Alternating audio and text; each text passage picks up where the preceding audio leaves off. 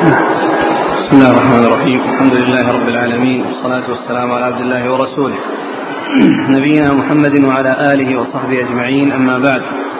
قال الإمام الحافظ أبو عيسى الترمذي رحمه الله تعالى في جامعه باب ما جاء في كراهية تلقي البيوع.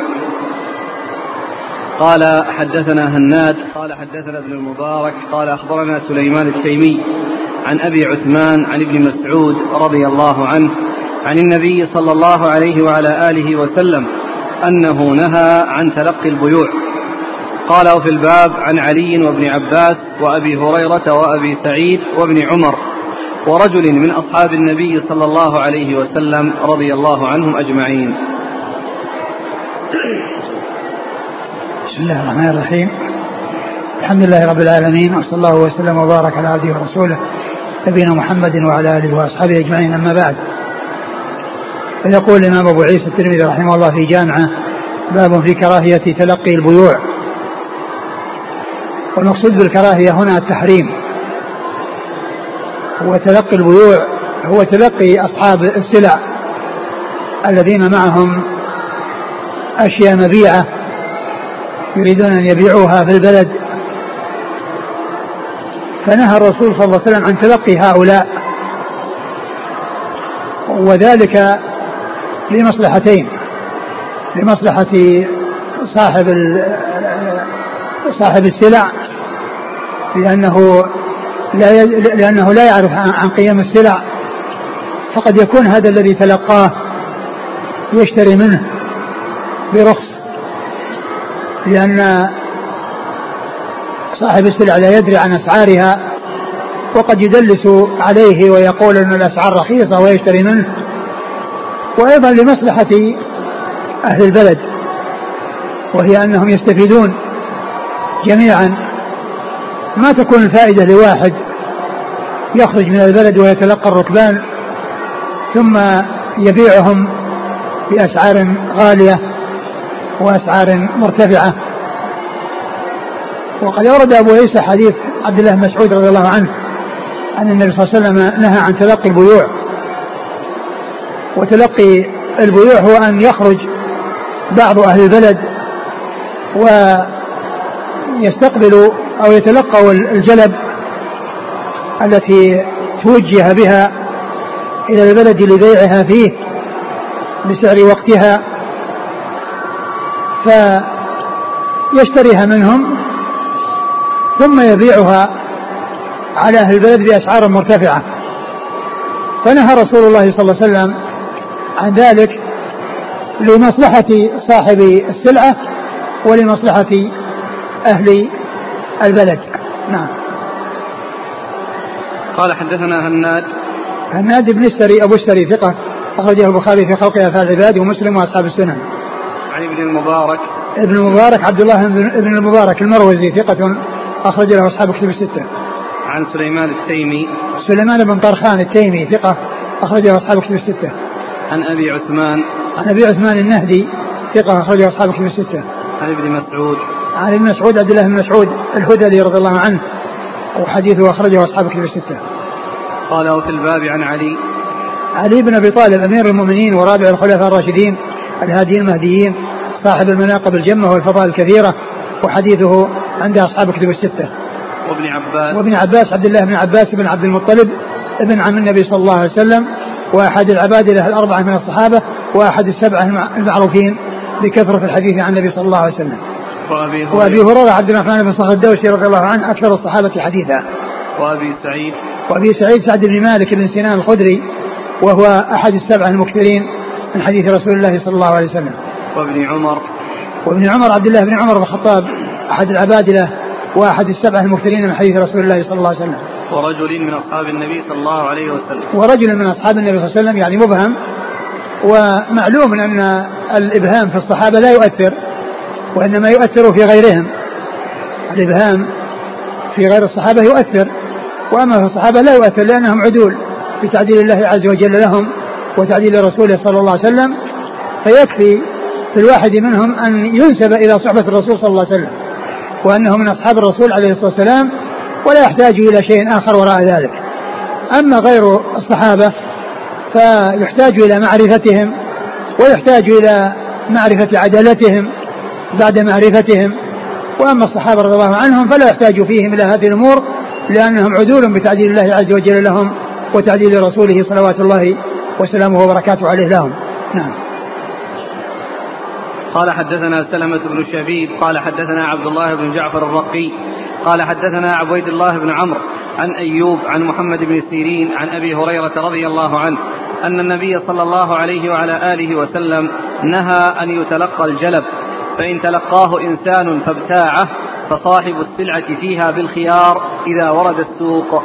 قال أبو عيسى هذا حديث حسن غريب من حديث أيوب وحديث ابن مسعود حديث حسن صحيح وقد كره قوم من أهل العلم تلقي البيوع.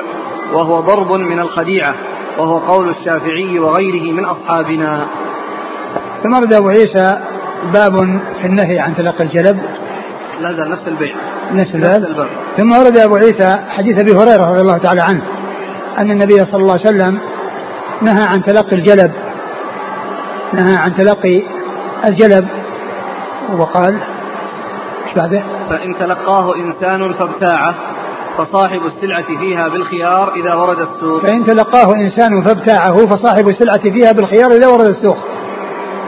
الجلب هو ما يجلب في البلد بأن يؤتى به مجلوبا يراد بيعه وأخذ ثمنه للاستفادة من ذلك. فهذا هو الجلب وهو بمعنى المجلوب الذي يؤتى به لغرض بيعه. وهو من جنس الذي تقدم تلقى البيوع. يعني معناه يتلقى الذي هو قادم من أجل جلب شيء يريد أن يبيعه ويأخذ ثمنه ويرجع أو يبقى. فنهى رسول الله صلى الله عليه وسلم عن تلقي الجلب وأخبر أن من حصل منه التلقي وأنه حصل منه الشراء فإن صاحب البيع أي البائع بالخيار إذا إذا بلغ السوق. فله أن يرجع وله أن يمضي. نعم. قال حدثنا سلمة بن شبيب. سلمة بن شبيب هو ثقة أخرجه مسلم وأصحاب السنن. أخرجه مسلم وأصحاب السنن. عن عبد الله بن جعفر الرقي. عبد الله بن جعفر الرقي ثقة أخرجه أصحاب كتب الستة. عن عبيد الله بن عمرو. عن عبيد الله بن عمرو الرقي وهو ثقة أخرجه أصحاب كتب الستة. عن أيوب عن أيوب بن أبي تميم السخياني ثقة أخرجه أصحاب كتب الستة. عن محمد بن محمد بن سيرين ثقة أخرجه أصحاب كتب الستة. عن أبي هريرة. عن أبي هريرة رضي الله عنه. مر ذكره. قال أبو عيسى هذا حديث حسن غريب من حديث أيوب وحديث ابن مسعود حديث حسن صحيح. وقد كره قوم من أهل العلم تلقي البيوع وهو ضرب من الخديعة وهو قول الشافعي وغيره من أصحابنا. يعني هذا التلقي هو ضرب من الخديعة لأن الذي يذهب يريد أنها يختص بشراء هذا الشيء وقد يغرر بصاحب السلعة ويقول أن الأسعار رخيصة وأنها يشتريها بكذا وأنها ما تزيد في السوق عن كذا وما إلى ذلك من الخداع الذي يكون من هذا المتلقي أو من هؤلاء المتلقين للجالبين. نعم. وهو قول الشافعي. نعم وغيره من أصحابنا. قول الشافعي وغيره من أصحابنا يعني أهل الحديث. وغيره من أصحابنا يعني أهل الحديث. وليس المقصود أن أن أن, أن الترمذي شافعي وأنه على مذهب الشافعي وإنما المقصود من ذلك أهل الحديث. يعني لأن الشافعي محدث وكذلك غيره من أهل الحديث فهو يقول من أصحابنا يعني أهل الحديث. وهذا مر مرارا في سنن في جامع الترمذي رحمه الله وفي بعضها يعني يكون يذكر قول الشافعي ثم يذكر خلافه وأن التصحيح يعني خلافه. نعم. هذا الأخ يقول هل وضحتم لنا صور تلقي الركبان بالمثال حتى يتضح لنا؟ آه مثل أن يأتي رجل من البادية معه غنم ويذهب يعني واحد من أهل البلد فيتلقي يتلقاه في, في الطريق وهو قادم إلى البلد ويتكلم معه في شراء سلعته أو السلعة التي معه ويتكلم معه في, في, في السعر وأن أنه يعني يريحه من من التعب ومن النصب ومن كونه يدخل البلد وإنما يأخذ الثمن ويرجع. فيأتي بأشياء فيها تغرير له. فهذا هو نفس التلقي. يعني قبل أن يصل إلى السوق يذهب إليه ويلتقيه في الطريق وهو قادم على البلد. هذا هو تلقي الركبان أو تلقي البيوع أو تلقي الجلب كله بمعنى واحد. يقول إذا كان صاحب الجلب من أهل البلد فهل يجوز أن يتلقى منه؟ نعم إذا كان من أهل إذا كان من أهل البلد ما ما, ما في إشكال لأنه ما دام أنه هو نفسه من أهل البلد وهو عارف الأسعار وهو يروح يأتي بالسلع ويأتي هذا غير هذا ما قال له جالب هذا ما قال له جالب هذا هذا هذا يعني آه، ذهب من أجل هذا مثل الذي تلقى الركبان أقول من جنس اللي تلقى الركبان لأنه ذهب وشرى شيء وجاء ليبيعه وهو عارف الأسعار. وإنما المقصود من ذلك الذي يجلب على البلد وهو لا يعرف الأسعار وقد يعرف الأسعار لكن ليس من أهل البلد. لأن أهل البلد يعني آه، في الغالب أنهم خرجوا وهم يعرفون الأسعار ويرجعون ليحصل الربح. نعم. يقول آه، هنا الترمذي قال هذا حديث حسن غريب. والرجال كلهم ثقات فلماذا حكم عليه بالحسن؟ إيش يقول؟ سلمة بن شبيب عن عبد الله بن جعفر الرقي عن عبيد الله بن عمرو عن أيوب عن محمد بن سيرين عن أبي هريرة. لا هو الإسناد صحيح. أقول الإسناد صحيح أقول لأنه حسن يعني آه، أقل يعني مما يستحقه الحديث بسبب إسناده. قال رحمه الله تعالى باب ما جاء لا يبيع حاضر اللباد. قال حدثنا قتيبة وأحمد بن منيع قال وحدثنا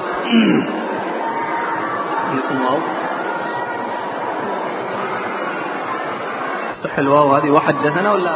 إيش اللفظ؟ قال حدثنا قتيبة وأحمد بن منيع قال وحدثنا سفيان. قال وحدثنا سفيان؟ نعم يمكن لأنه معطوف على على شيء. الثانية بدون واو. إيه، ما أدري لكنه يأتي أحيانا في الأسانيد بالواو ويقصد بها أنه معطوف على شيء آخر محذوف. معطوف على شيء آخر. قال فلان وحدثني. قال فلان وحدثني يأتي بالأسانيد هكذا. فلا أدري هل الواو هذه صحيحة وأنها معطوفة على شيء محذوف أو أنها زائدة.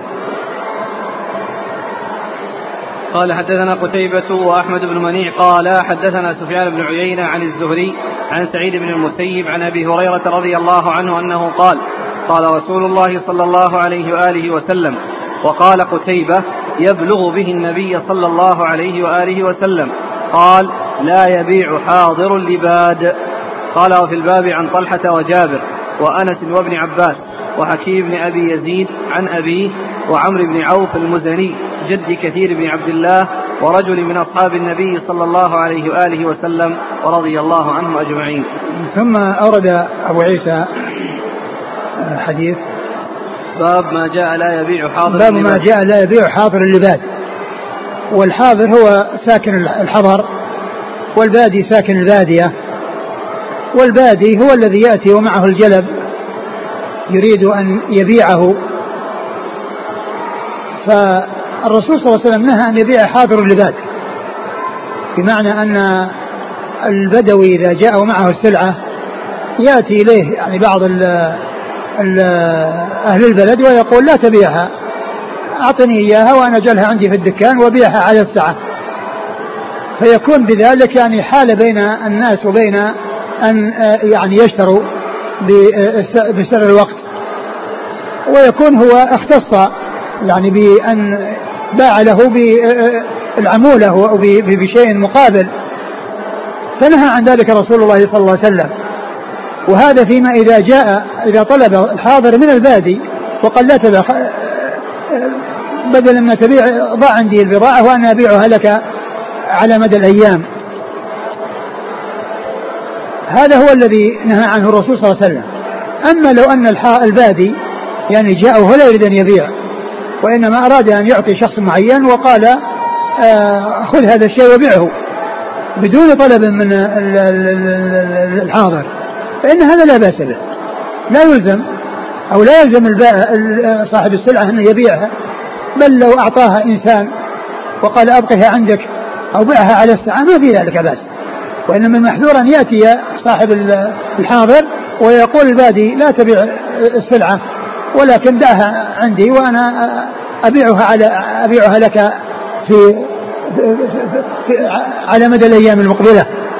هذا هو الذي لا يجوز. أما إذا كان ذاك ما أراد أن يبيع أو أنه يعني له وكيل في البلد يرسل السلع ويعطيها إياه وهو يتولى بيعها فإن ذلك لا بأس به وإنما المحذور آآ آآ كون صاحب الحضر يطلب من البدوي أنه يترك السلعة ولا يبيعها لأن هذا يضر بالناس.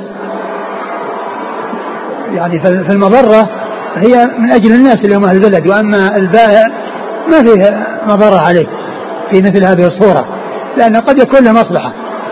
فإذا كان البيع بطلب من البادي وأنه أو اعتبره وكيلا له وأنه يرسل السلع ويبيعها هذا لا بأس به. أما كونه يأتي جالبا ثم يقول لا تبيع قال أعطني إياها وأنا أبيعها لك على مدى الأيام وأخذ عليها كذا وكذا عمولة هذا هو الذي نهى عنه الرسول صلوات الله وسلامه وبركاته عليه وذلك من أجل مصلحة الناس الذين هم أهل البلد. نعم.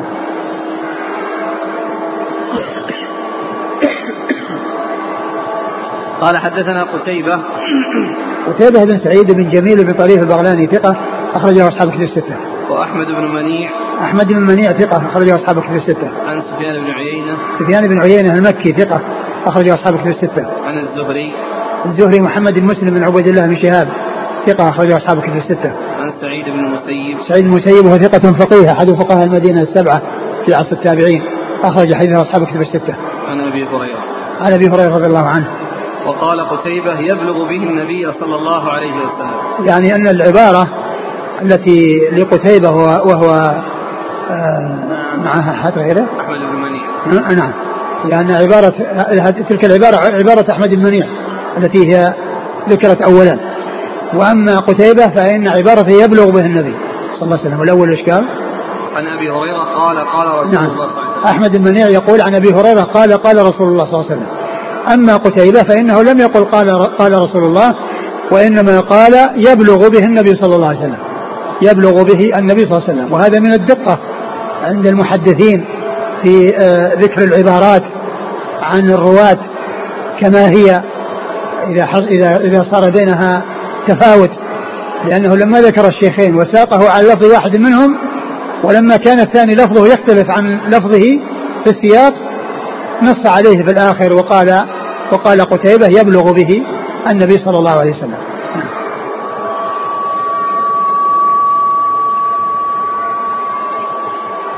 قال وفي الباب عن طلحة. طلحة بن عبيد الله أخرج حديثه أصحابه في الستة وجابر. جابر بن عبد الله الأنصاري أحد السبعة المعروفين بكثرة الحديث عن النبي صلى الله عليه وسلم. وأنس. وأنس بن مالك خادم رسول الله صلى الله عليه وسلم وأحد السبعة المكثرين من حديث رسول الله عليه الصلاة والسلام. وابن عباس وحكيم بن أبي يزيد عن أبيه. حكيم بن أبي يزيد وجدته له لا. شيء؟ لا لم نعم. لا لا.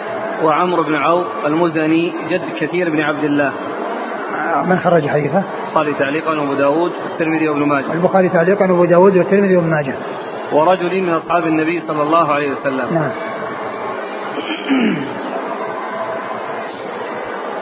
قال حدثنا نصر بن علي وأحمد بن منيع. قال حدثنا سفيان بن عيينة عن أبي الزبير عن جابر رضي الله عنه أنه قال قال رسول الله صلى الله عليه وآله وسلم لا يبيع حاضر لباد دعوا الناس يرزق الله بعضهم من بعض.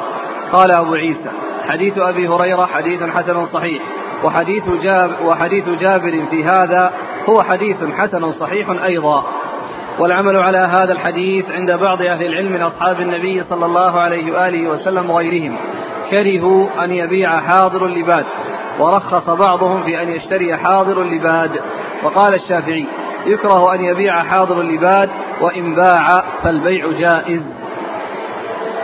آه ثم ورد أبو عيسى حديث جابر. جابر رضي الله عنه أن النبي صلى الله عليه وسلم نهى أن يبيع حاضر العباد وقال دعوا الناس يرزق بعضهم بعض يرزق الله بعضهم من بعض. وهذا يبين ان أن هذا من أجل مصلحة الناس الذين هم أهل البلد لأنه اذا إذا إذا باع حاضر العباد معنى ذلك أنه آه، يبقيه عنده ويطلب منه أن يبقيه عنده في الدكان ويبيعه على مدى الأيام بسعر مرتفع. وإذا كان الإنسان بحاجة إلى النقود وجاء جالبا وباع وقضى حاجته ومشى فيكون بذلك حصلت الفائدة للجميع. ولا يختص بها واحد منهم بأن يبيع ويأخذ الأجرة أو العمولة على كونه باع لذلك. وهذا كما جاء في الحديث البيع. وأما بالنسبة للشراء فللحاضر آه، أن يشتري له. يعني أن يشتري له بأن يطلب منه يعني يعني يشتري له سلعة أو إنه ينوب عنه في شراء سلع من السوق. لأن السوق يعني مبذول للبائعين لمن يشتري. فكونه آه، يشتري يعني له يختلف عن كونه يبيع له. لأن كونه يبيع له يعني معناه أنه قد يعني يصير السعر فيه فرق وأنه يحصل غبن. وأما هذا الدكاكين مفتوحة وهم يبيعون بأسعار يعني معلومة فسواء شرى هو بنفسه أو شرى له إنسان من أهل الحضر لا فرق بين هذا وهذا. نعم. قال حدثنا نصر بن علي نصر بن علي الجهضمي ثقة أخرجه أصحاب كتب الستة. وأحمد بن منيع عن سفيان بن عيينة عن أبي الزبير. أبي الزبير محمد بن مسلم ابن تدرس المكي صدوق أخرجه أصحاب كتب الستة. عن جابر. نعم. قال والعمل على هذا الحديث عند بعض أهل العلم أصحاب النبي صلى الله عليه وسلم وغيرهم كرهوا أن يبيع حاضر اللباد ورخص بعضهم في أن يشتري حاضر اللباد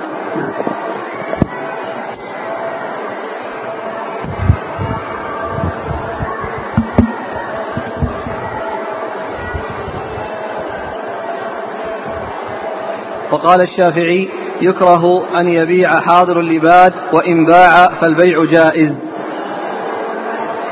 نعم يعني آه، يقول الشافعي إذا إذا إذا باع حاضر اللباد فإن ذلك مكروه ولكنه إن تم إن حصل البيع فإنه يصح البيع.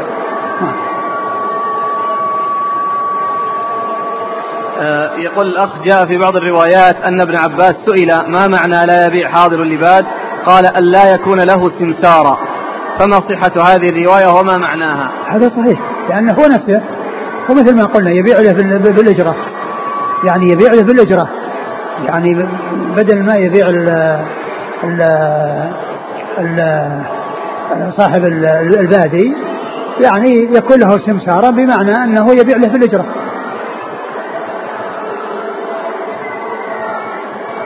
يقول آه، ذكر الشارح إنما يحرم بهذه الشروط وبشروط أن وبشرط أن يكون عالما بالنهي. فلو لم يعلم بالنهي وكان المتاع أو مما لا يحتاج, إليه في البلد أو لا يؤثر فيه لقلة المجلوب لم يحرم. آه، قضية الثاني الأول يعني غير واضح كونه يعني يكون عالم بالحكم. قد يعني البدوي سواء عرف الحكم أو ما عرف الحكم فإن النتيجة واحدة. وهو أنه لا يبيع حاضر اللباد. نعم.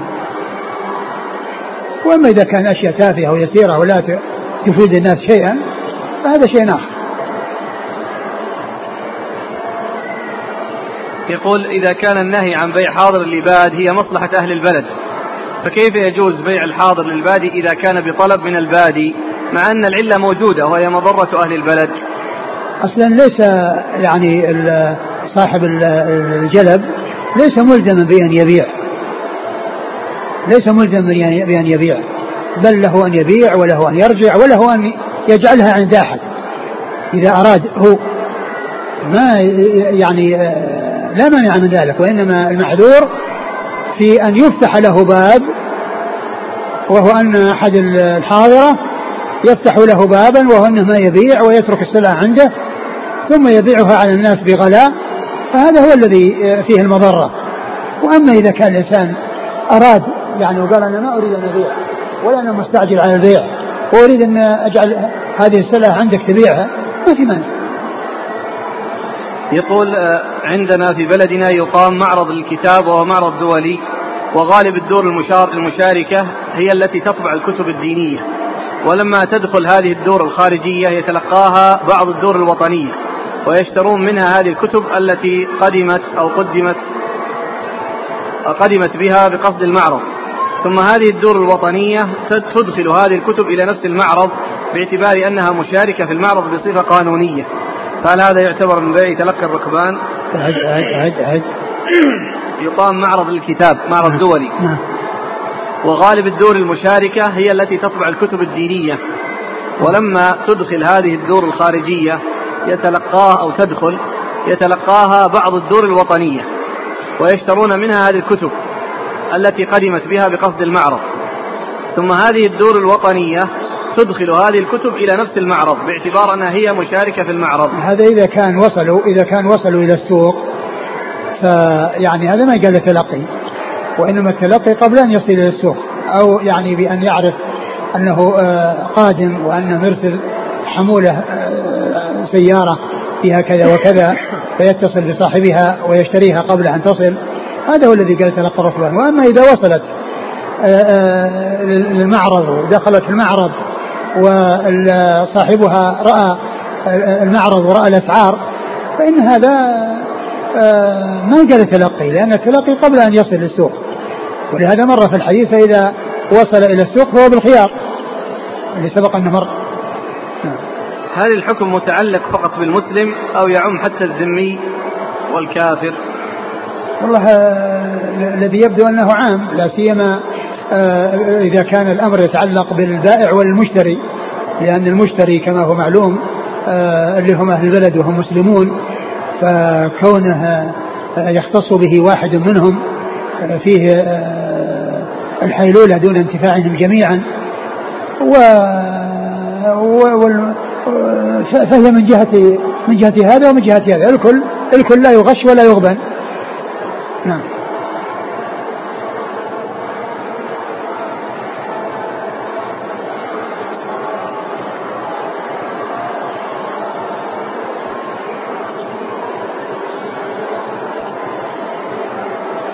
يقول في مسألة تلقي الركبان إذا تلقاه واشترى منه بسعر السوق.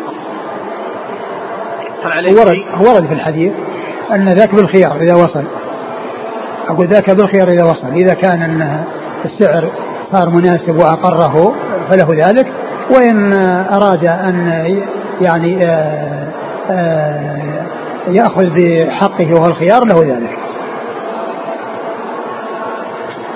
قال رحمه الله تعالى باب ما جاء في النهي عن المحاقلة والمزابنة. قال حدثنا قتيبة قال حدثنا يعقوب بن عبد الرحمن الإسكندراني عن سهيل بن أبي صالح عن أبيه عن أبي هريرة رضي الله عنه أنه قال نهى رسول الله صلى الله عليه وعلى آله وسلم عن المحاقلة والمزابنة. قال وفي الباب عن ابن عمر وابن عباس وزيد بن ثابت وسعد وجابر ورافع بن خديج وأبي سعيد رضي الله عنهم أجمعين. قال أبو عيسى حديث أبي هريرة حديث حسن صحيح. والمحاقلة بيع الزرع بالحنطة والمزابنة بيع الثمر أو التمر. بيع التمر. بيع التمر على رؤوس النخل بالتمر. نعم. والعمل على هذا عند أكثر أهل العلم كرهوا بيع المحاقلة والمزابنة. نعم. ثم قال باب في المحاقلة والمزابنة. والمحاقلة يعني هي بيع الحب في سنبله أو في آه، في الزرع بحنطة يعني جاهزة. يعني يعني الحنطة يعني موجودة جاهزة فيأخذها صاحب الزرع مقابل آه، يعني شيء من الزرع. هذه هي المحاقلة التي نهى عنها رسول الله صلى الله عليه وسلم وهي من بيع ال ال ال من بيع النسيئة لأن فيها نسيئة. يعني يأخذ يعني حب ثم بعد ذلك يأخذ فيما بعد آه، من الزرع. يعني مثله. فيكون فيه يعني بيع الشيء بمثله نسيئة. وهذا غير جائز. وكذلك المزابنة وهي بيع التمر في النخل بتمر آه، آه، بتمر موجود جاهز. يعني آه، يأخذ آه، صاحب آه، النخل تمرا عند غيره. وفي مقابل تمر مما هو على رؤوس النخل أو مما هو حمل به النخل. فيكون من جنس الذي مر يعني في المحاقلة يعني باع التمر بتمر متأخر فيكون فيه النسيئة بيع الشيء بمثله نسيئة وذلك غير جائز. نعم والترمذي فسر المحاقلة والمزابنة بأن هذه بيع الحقول التي فيها الزرع بحنطة جاهزة وكذلك المزابنة وهي بيع ثمر في رؤوس النخل أو آه الذي حمل به النخل آه بتمر جاهز. نعم. وعلته علته الربا. كان في تفاضل. نعم. قال حتى نسيئة. حتى لو كان متساوي. حتى لو كان متساوي في النسيئة لأنه إن كان متفاضلا يصير التفاضل والنساء.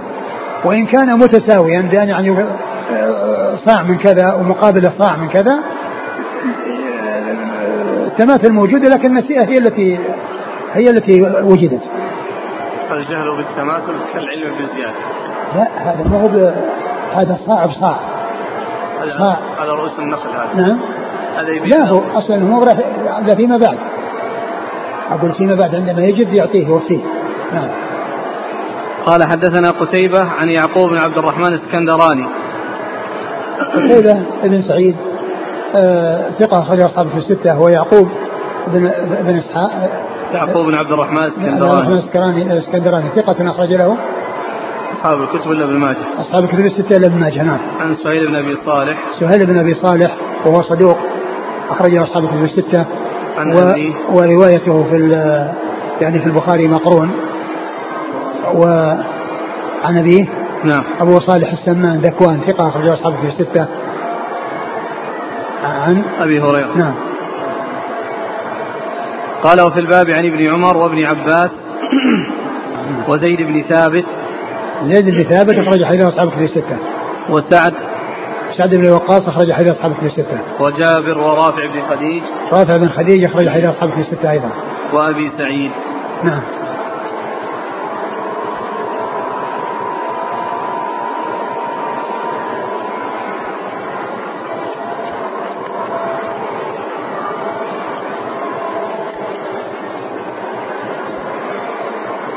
قال حدثنا قتيبة قال حدثنا مالك بن أنس عن عبد الله بن يزيد أن زيدا أبا عياش سأل سعدا عن البيضاء بالسلس. فقال أيهما أفضل؟ قال البيضاء. فنهى عن ذلك. وقال سعد سمعت رسول الله صلى الله عليه وآله وسلم يسأل عن اشتراء نعم يسأل. يسأل عن اشتراء التمر بالرطب. فقال لمن حوله؟ أينقص الرطب إذا يبس؟ قالوا نعم. فنهى عن ذلك. قال حدثنا هناد قال حدثنا وكيع عن مالك عن عبد الله بن يزيد عن زيد أبي عياش. قال سألنا سعدا فذكر نحوه. قال أبو عيسى هذا حديث حسن صحيح والعمل على هذا عند أهل العلم وهو قول الشافعي وأصحابنا. ثم ورد أبو عيسى آه، حديث آه، سعد بن وقاص. سعد بن وقاص لأنه ذكر قال وفي الباب عن فلان وعن سعد وهذا حديث سعد. أن آه، الرسول صلى الله عليه وسلم آه، سئل عن بيع التمر بالرطب فقال ينقص الرطب إذا جف؟ قالوا نعم قال فلا لأنه بذلك يكون غير متساوي. والأصل في بيع المثليات أن يكون متساويا. ومعلوم أن الرطب إذا جف فإنه ينقص قدره فلا يكون مثل التمر الذي قد جف والأصل هو التساوي بأن يكون تمر بتمر ورطب برطب وأما تمر برطب فإن الرطب إذا جف نقص فتكون النتيجة أنه بيع شيء بمثله متفاضلا بيع بمثله متفاضلا وهذا غير جائز. وفيه أنه آه، سئل عن آه، عن البيضة بالسلس فقال أيهما أفضل فقيل البيضة قال فايش؟ قال قال البيضاء فنهى عن ذلك. فنهى عن ذلك. والبيضة فسرت بأنها الشعير وكذلك السلس بأنه نوع من الشعير ليس له قشر. و وعلى هذا أنه اعتبره نوعين. وفسرت البيضة بأنها الحنطة والسلس بأنه الشعير الذي ليس له قشر. فيكون يعني كأنها كلها ليس آه، يصير مثل الحنطة. ولكن بينهما فرق بأن هذا قوي وهذا ضعيف. الذي هو السلك الذي ليس له قشر شعير ليس له قشر فيكون ضعيفا وذاك صلبا يعني قويا. نعم. إذا كان من نوعين. إذا كان من نوعين ما في إشكال. لأن بيع الشيء بمثله بنوع آخر أو بجنس آخر يجوز التفاضل لكن لا يجوز النساء فإذا فسرناه بأنهما نوعين ما يكون في لحم ما في إشكال نعم إذا صار في نوعين ما في إشكال لكن هي على اعتبار أنها نوع واحد قال حدثنا قتيبة عن مالك بن أنس مالك بن أنس آه، إمام دار الهجرة المحدث الفقيه أحد أصحاب المذاهب الأربعة مشهورا مذاهب السنة وحديثه أخرجه أصحاب كتب الستة. عن عبد الله بن يزيد عبد الله بن يزيد ثقة أخرجه أصحاب كتب الستة. عن زيد أبي عياش. عن زيد أبي عياش صدوق أخرجه أصحاب السنن. عن سعد. عن سعد بن أبي وقاص رضي الله عنه أخرجه أصحاب كتب الستة. قال حدثنا هناد. نعم. عن وكيع. وكيع بن الجراح الرؤاسي الكوفي ثقة أخرجه أصحاب كتب الستة. عن مالك عن عبد الله بن يزيد عن زيد أبي عياش عن سعد. نعم. قال أبو عيسى هذا حديث حسن صحيح والعمل على هذا عند أهل العلم وهو قول الشافعي وأصحابنا قال رحمه الله تعالى باب ما جاء في كراهية بيع الثمرة حتى يبدو صلاحها. قال حدثنا أحمد بن منيع قال حدثنا إسماعيل بن إبراهيم عن أيوب عن نافع عن ابن عمر رضي الله عنهما أن رسول الله صلى الله عليه وآله وسلم نهى عن بيع النخل حتى يزهو. وبهذا الإسناد أن النبي صلى الله عليه وسلم نهى عن بيع السنبل حتى يبيض ويأمن العاهة نهى البائع والمشتري. قال وفي الباب عن أنس وعائشة وأبي هريرة وابن عباس وجابر وأبي سعيد وزيد بن ثابت. قال أبو عيسى حديث ابن عمر حديث حسن صحيح والعمل على هذا عند أهل العلم من أصحاب النبي صلى الله عليه وآله وسلم وغيرهم. كرهوا بيع الثمار قبل أن يبدو صلاحها وهو قول الشافعي وأحمد وإسحاق. ثم رد أبو عيسى باب النهي كراهة بيع الثمرة حتى يبدو صلاحها. باب كراهة بيع الثمرة حتى يبدو صلاحها. يعني الثمر مثل ثمر النخل وأن أنه إذا حمل النخل فإنه يجوز بيعه إذا بدا صلاحه وطاب أكله وصار الناس يعني يستعملونه ويتفكهون به فعند ذلك يجوز بيعه وقبل ذلك لا يجوز. وقد وقد جاءت في ذلك الأحاديث عن رسول الله صلى الله عليه وسلم أنه نهى عن بيع يعني عن بيع الثمرة حتى تزهو أو حتى تزهي أو حتى يطيب أكلها. يعني ورد في ذلك روايات متعددة عن رسول الله صلى الله عليه وسلم. كلها تدور على منع البيع للثمر قبل بدو صلاحه وهو طيب أكله وكونه يستفاد منه. وذلك أن البيع حصل في وقت الانتفاع. وأما إذا شري قبل وقت الانتفاع فإنه يكون عرضة للآفات ويكون هناك أيضا عرضة للاختلاف و فلهذا نهى رسول الله صلى الله عليه وسلم عنه أي البيع إلا إذا بدا الصلاح والصلاح جاء أنه يحمر ويصفر يعني يحمر أو يصفر حيث يطيب أكله ويستفاد منه ويتفكه به فعند ذلك يجوز بيعه. وأما إذا وهذا إذا ما اشتريت الثمرة وحدها. أما إذا اشتري الثمر النخل وفيه طلعه فإن ذلك سائر لأنه سينتقل الملك بأصله وفرعه إلى المشتري. وإنما الكلام فيما إذا اشتريت الثمرة مع بقاء أصلها آه، في ملك آه، في ملك صاحبها وإنما يبيع الثمرة فقط فإن ذلك لا يجوز إلا عند بدو الصلاح. نعم. قال حدثنا أحمد بن منيع عن إسماعيل بن إبراهيم. إسماعيل بن إبراهيم بن عليا ثقة أخرج أصحابه في الستة. عن أيوب. أيوب بن أبي تيمية السختياني ثقة أخرج أصحابه في الستة. عن نافع.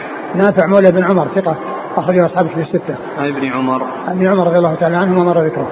قال وبهذا الإسناد إن النبي صلى الله عليه وسلم نهى عن بيع السنبل حتى يبيض ويأمن العاهة. وهذا أيضا كذلك فيما يتعلق بال بالحب ذاك في الثمر وهذا في الحب.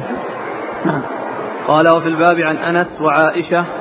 عائشة أم المؤمنين رضي الله عنها الصديقه بنت الصديق وهي واحدة من سبعة أشخاص عرفوا بكثرة الحديث عن النبي صلى الله عليه وسلم. وأبي هريرة وابن عباس وجابر وأبي سعيد وزيد بن ثابت. نعم. قال أبو عيسى حديث ابن عمر حديث حسن صحيح والعمل على هذا عند أهل العلم من أصحاب النبي صلى الله عليه وسلم وغيرهم. كرهوا بيع الثمار قبل أن يبدو صلاحها وهو قول الشافعي وأحمد وإسحاق. نعم. قال حدثنا الحسن بن علي الخلال قال حدثنا أبو الوليد. أبو الوليد وعفان وسليمان بن حرب. قالوا حدثنا حماد بن سلمة عن حميد عن أنس رضي الله عنه. أن رسول الله صلى الله عليه وآله وسلم نهى عن بيع العنب حتى يسود وعن بيع الحب حتى يشتد.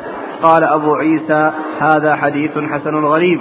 لا نعرفه مرفوعا إلا من حديث حماد بن سلمة. ثم ورد أبو عيسى حديث أنس رضي الله عنه أن النبي صلى الله عليه وسلم نهى عن بيع العنب حتى يسود. يعني حتى يسود يعني معناه أنه يتغير لونه من الخضرة إلى الاسوداد يعني انه طاب أكله. وعن بيع السنبل الحب حتى يشتد يعني في السنبل. يعني بمعنى أنه يعني آه، يأمن العاهة ويامن الآفة والضرر الذي يحصل له لأنه قد استوى وانتهى. فنهى عن ذلك وهذا كله داخل تحت أنه يعني حتى يبدو صلاحه لا يباع إلا إذا بدا صلاحه وبدأ الانتفاع به. نعم. قال حدثنا الحسن بن علي الخلال هو الحلواني وهو ثقة أخرجه أصحاب كتب الستة إلا النسائي. عن أبي الوليد.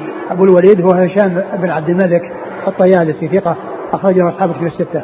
وعفان. وعفان بن مسلم الصفار ثقة أخرجه أصحاب كتب الستة. وسليمان بن حرب. وسليمان بن حرب ثقة أخرجه أصحاب كتب الستة. عن حماد بن سلمة. حماد بن سلمة ثقة أخرجه البخاري تعليقا ومسلم وأصحاب السنن. عن حميد. حميد بن أبي حميد الطويل ثقة أخرجه أصحاب في الستة. عن أنس. نعم. قال رحمه الله تعالى: باب ما جاء في بيع حبل الحبلة. قال حدثنا قتيبة قال حدثنا حماد بن زيد عن أيوب عن نافع عن ابن عمر رضي الله عنهما أن النبي صلى الله عليه وآله وسلم نهى عن بيع حبل الحبلة. قال وفي الباب عن عبد الله بن عباس وأبي سعيد الخدري رضي الله عنهم أجمعين. قال أبو عيسى حديث ابن عمر حديث حسن صحيح والعمل على هذا عند أهل العلم. وحبل الحبلة نتاج النتاج وهو بيع مفسوخ عند أهل العلم وهو من بيوع الغرر. وقد روى شعبة هذا الحديث عن أيوب عن سعيد بن جبير عن ابن عباس رضي الله عنهما. وروى عبد الوهاب الثقفي وغيره عن أيوب عن سعيد بن جبير ونافع عن ابن عمر عن النبي صلى الله عليه وآله وسلم وهذا أصح. ثم أورد أبو عيسى باب النهي عن بيع ما جاء في بيع ما جاء في بيع حبل الحبلة وحبل الحبلة الحبل هو الحمل. والحبلة يعني يعني جمع مثل ظالم وظلمة حابل وحبلة. يعني ف والمقصود بحبل الحبلة نتاج النتاج. لأن بأن تكون بأن تكون الدابة يعني يعني أصيلة ومعروفة بجودتها فيشتري نتاجها وقد يشتري نتاج نتاجها. يعني يبيع عن شيء معدوم. يعني من أجل كونه نفيسا ومن أجل كون كونها أصيلة وكونها يعني جيدة وهذا النوع يعني عريق فيشترى نسله قبل أن يوجد فهذا من بيع المعدوم وبيع ما لا ما, ما لا ما, ما لا وهو غير جائز وهو من الغرض. وفسر الحبل الحبل بأنه نتاج النتاج. يعني ليس الذي في بطنها فقط. يعني في وإنما في بطن الذي ولد ولدها إذا ولدت. ولد ولدها إذا ولدت. ففسر بأنه شراء هذا المعدوم أو أنه البيع إلى أجل مجهول. بأن يعني يقول إذا آه، يوفيه يبيعه سلعة ويوفيه إذا آه، نتج النتاج أو نتاج هذه الدابة. إذا يعني أنتجت ثم بنتها أنتجت عند ذلك يحل الأجل. وكل ذلك ممنوع لأن هذا فيه جهالة وفيه إبهام الأجل وعدم معرفته. وهذا فيه أيضا بيع المعدوم والذي لم يوجد. وكل ذلك غير سائق فلا يجوز آه، جعل الغاية مثل هذا الشيء المجهول ولا يجوز أن يكون المبيع على شيء معدوم وشيء فيه غرر الذي هو نتاج النتاج أو حبل الحبلة. وهذه كانت بيوع في الجاهلية جاء الإسلام بالنهي عنها لما فيها من الغرر. نعم. قال حدثنا قتيبة عن حماد بن زيد. حماد بن زيد بن درهم ثقة أخرجه أصحاب كل ستة عن أي... عن أيوب عن نافع عن ابن عمر. نعم. قال وفي الباب عن عبد الله بن عباس وأبي سعيد الخدري. نعم. قال والعمل على هذا عند أهل العلم وحبل الحبل نتاج النتاج وهو بيع مفسوخ عند أهل العلم. نعم يعني باطل. وهو من بيوع الغرر وقد روى شعبة هذا الحديث عن أيوب. عن سعيد بن جبير سعيد بن جبير ثقة أخرج أصحاب الستة. عن ابن عباس وروى عبد الوهاب الثقفي عبد الوهاب الثقفي عبد الوهاب بن عبد المجيد الثقفي ثقة أخرجه أصحاب كتب الستة. وغيره عن أيوب عن سعيد بن جبير ونافع عن ابن عمر عن النبي صلى الله عليه وسلم وهذا أصح.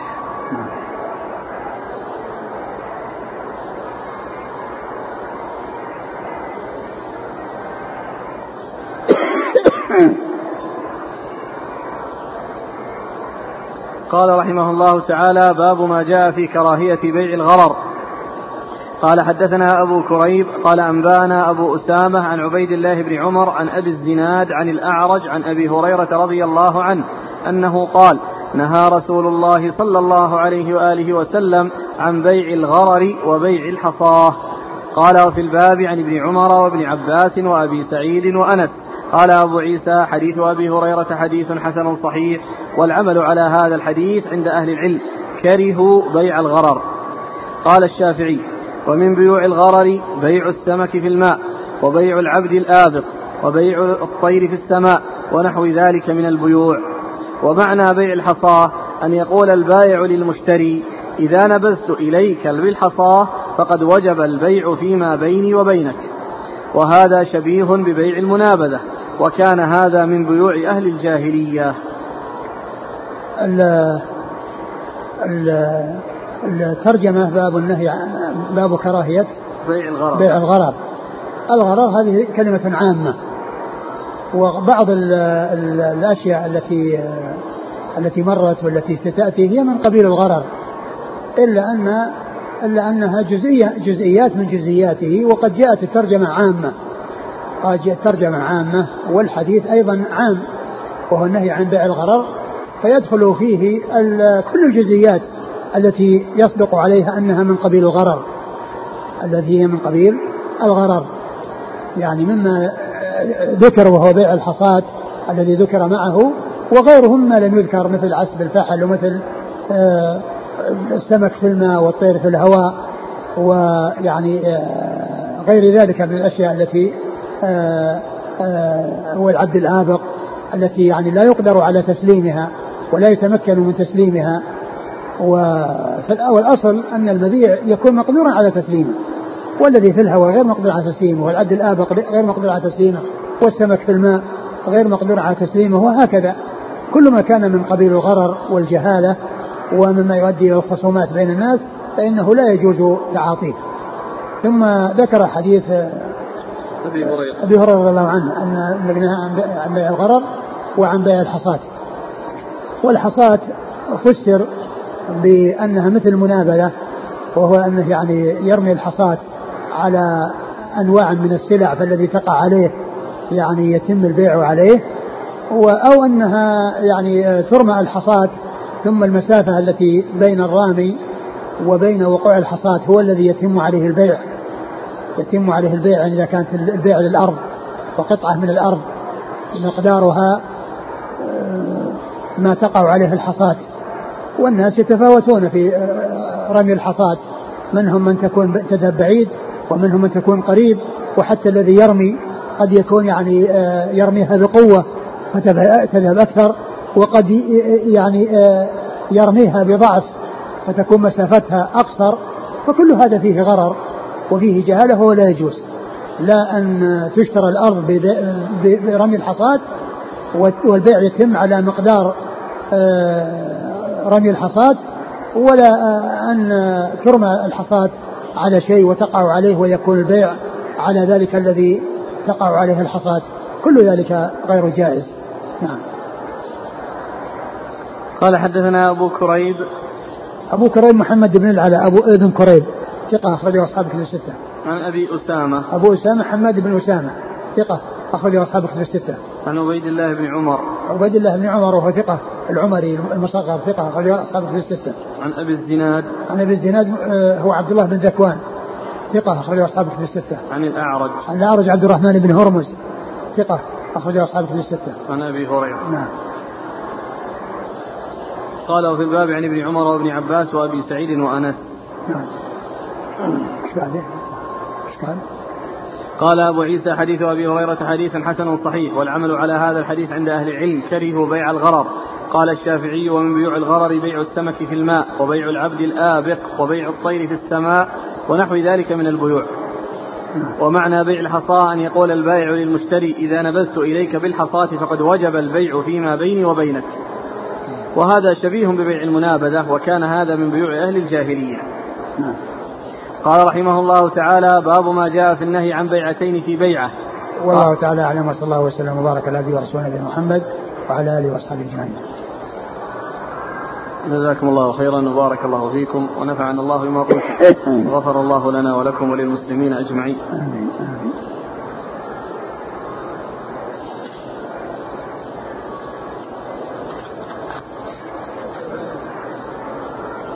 هذه فائدة نقلت من كتاب توضيح الأحكام في شرح بلوغ المرام للشيخ البسام ينقل فيها عن شيخ الإسلام ابن تيمية في آه، الضابط في البيوع الفاسدة والبيوع المنهي عنها مع الصحة. يقول قال شيخ الإسلام أثبت النبي صلى الله عليه وسلم للركبان الخيار إذا تلقوا لأنه فيه نوع تدليس وغش. وقال ابن القيم نهي عن ذلك لما فيه من تغرير البائع فإنه لا يعرف السعر فيشترى منه بدون القيمة ولذا أثبت له النبي صلى الله عليه وسلم الخيار إذا دخل السوق. وجاء في حاشية الشيخ عبد الرحمن بن قاسم الحديث وإن كان ظاهره الإطلاق فيقيد بما هو جار متسامح فيه من التغابن اليسير. والعقد صحيح. لأن النهي قصر على التلقي ولم يقل لا تشتروا ولا نزاع في ثبوت الخيار للبائع من الغبن غبنا يخرج عن العادة. قال شيخ الإسلام من البيوع ما نهي عنه لمعنى فيه من ظلم أحد المتبايعين للآخر كبيع المصراة والمعيب والنجس ونحو ذلك. والشارع لم يجعلها لازمة كالبيوع الحلال بل جعل الخيرة إلى المظلوم. إن شاء أبطلها وإن شاء أجازها فإن الشارع لم ينه عنها لحق مختص بالله كما نهى عن الفواحش ونكاح المحرمات والمطلقة ثلاثا وبيع الربا. وبعض الناس يحسب أن هذا النوع من جملة ما نهي عنه والنهي يقتضي الفساد فأفسدوا بيع النجش أو النجش وبيع والبيع على أخيه وبيع المدلس والتحقيق أن هذا النوع لم يكن النهي عنه فيه لحق الله بل لحق الإنسان.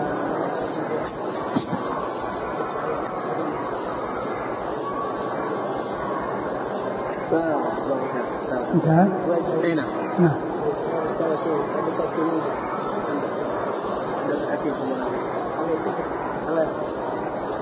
لأن الإنسان إذا صاحب الحق إذا يعني أقر الشيء أو رضي بالشيء أو وافق على شيء الحق لا يعدو حتى لو تسامح عنه كله وأعطاه إياه عطية فإن له ذلك.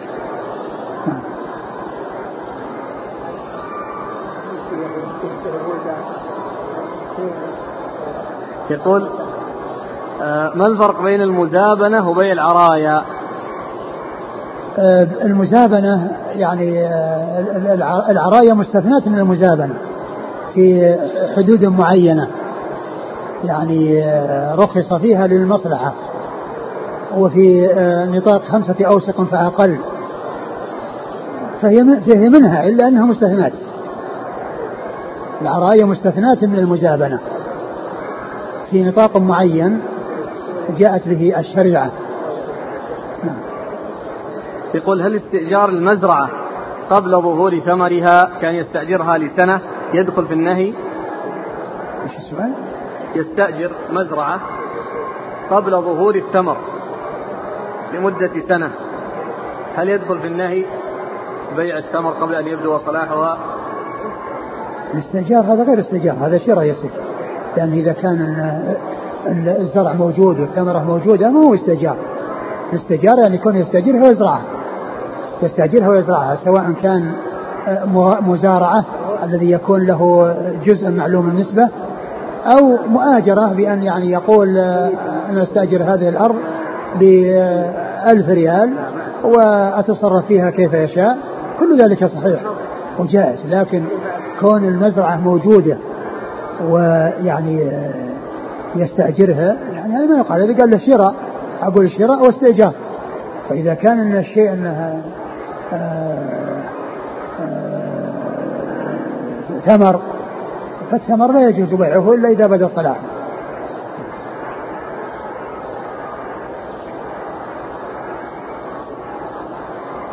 يقول ما حكم بيع طلع النخل؟ الذكر لغرض التأبير وتلقيح النخل. ما في بأس إيش المانع منه مال ينتفع به ويستفاد منه. فيباع يعني ما ما ما هو من جنس النهي عن عسب الفحل. عسب الفحل هذاك لا يقدر على تسليمه. شيء يعني مجهول. الفحل قد ينزو وما ما يطلع شيء. فهو غير مقدور على تسليمه. وأما هذا شيء مقدور على تسليمه. هذا هو قدامك. يعني طالع موجود فيشتريه الإنسان ويروح يأبر به النخل. فهذا شيء وذاك شيء. لأن هذا شيء معلوم ومشاهد ومعاين ومستفاد منه. وأما ذاك لا يقدر الإنسان على أن يسلمه. لأنه قد ينزل الفحل ولا يطلع شيء. يقول هل نقيس جميع الفواكه كالبرتقال والليمون وغيرها على بيع الثمار قبل النضج؟ آه آه كون الإنسان يعني يشتريها وهي في آه في في في, في أصولها قبل أن تصلح هو من جنس من جنس بيع الثمرة قبل بدو صلاحها هذا يقول آه، عندنا الموز يقطع ويباع قبل أن يبدأ صلاحه لأن إذا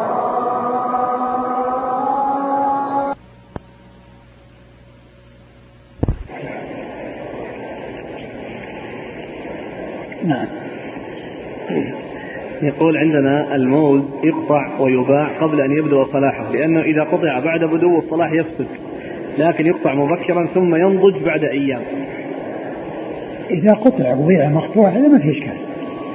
حتى حتى الأخضر اللي في النخل إذا قطعه الناس أهله راحوا يبيعونه وهو أخضر ما في مانع شراءه وإنما الكلام كونه يشترى وهو في رؤوس النخل ويبقى.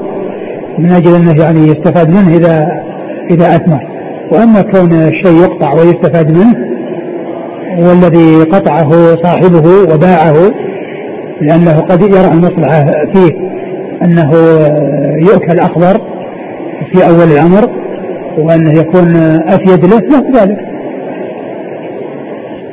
يقول إذا اشترى المشتري السنبل في وقته عندما اشتد ثم أصابه حريق فهل هذا يعتبر ممن لا يؤمن عليه العاهة؟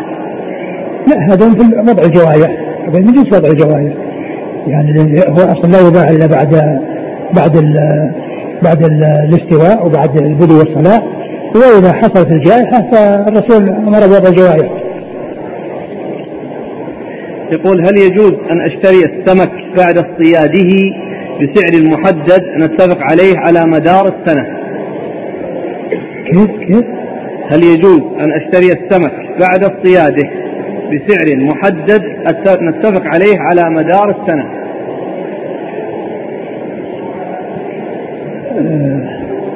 قضية كونهم يتفقون على شيء يعني ما في معنى. لا بأس بذلك.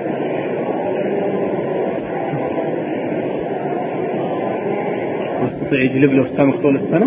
نعم هو متفق معه. على أنه يعني يأمن له يعني يوميا بكذا وبسعر كذا وكذا ما في بأس.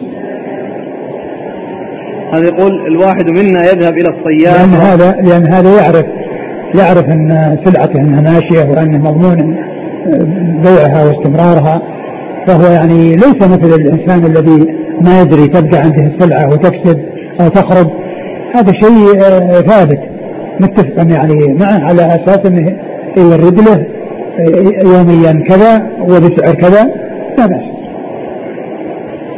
وهذا يقول الواحد منا يذهب إلى الصياد وهو على البحر أو النهر فيعطيه مبلغا ثم يرمي الصياد بشبكته في الماء. وقد يخرج الشبكة فيها سمك وقد لا يخرج فيها شيء. هل هذا من بيع الغرر أم أن هذا الأجر على عمل الصياد؟ هو اشترى منه يعني هالمبلغ اللي أعطاه إياه مقابل إيش؟ مقابل أنه يرمي الشبكة تطلع يطلع فيها شيء ولا ما يطلع؟ هذا طبعا لا يجوز. وأما كونه يعني يعطيه يعني السعر مقدم أو الثمن مقدم أو أنه يحجز عنده ويعطيه هذا لا بأس به. لكن لابد على شيء متفق عليه يعني كيلو يعني كذا كيلو. نعم. وهذا يقول عندنا الصياد يأتي فيقترض نقودا من أحد على أنه يأتيه بالأسماك في وقت محدد أو غير محدد ولكن مع الاتفاق على سعر معين. هل هذا يجوز؟ عد عد. يأتي الصياد إلى أحد الأشخاص فيقترض منه نقودا. على أن يعطيه أسماك في وقت محدد أو غير محدد لكن مع الاتفاق على سعر معين.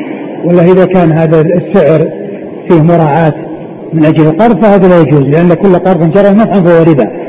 وأما كونه يقترض منه ثم يوفيه آه، من السمك ويكون بسعر الوقت ما في بأس. يقول في بلدنا قامت الحكومة تخفيفا لحدة أزمة السكن بإقامة مشروع. مفاده أن تبيع سكنات أو السكن بالتقسيط للمستفيدين. وهذه العمائر لم تبنى بعد. ومع هذا فتلزم الحكومة من يريد أن يدفع مبلغ مقدم لكي يحصل له الاستفادة من هذه السكنات أو الوحدات. قال هذا من بيع المعدوم؟ إذا كان إذا كان بيع يعني شيء موصوف بالذمة وأنه يعني شيء محقق وأن الناس يعني يقدم يعني مثلا شيء من أجل أنه يعجز.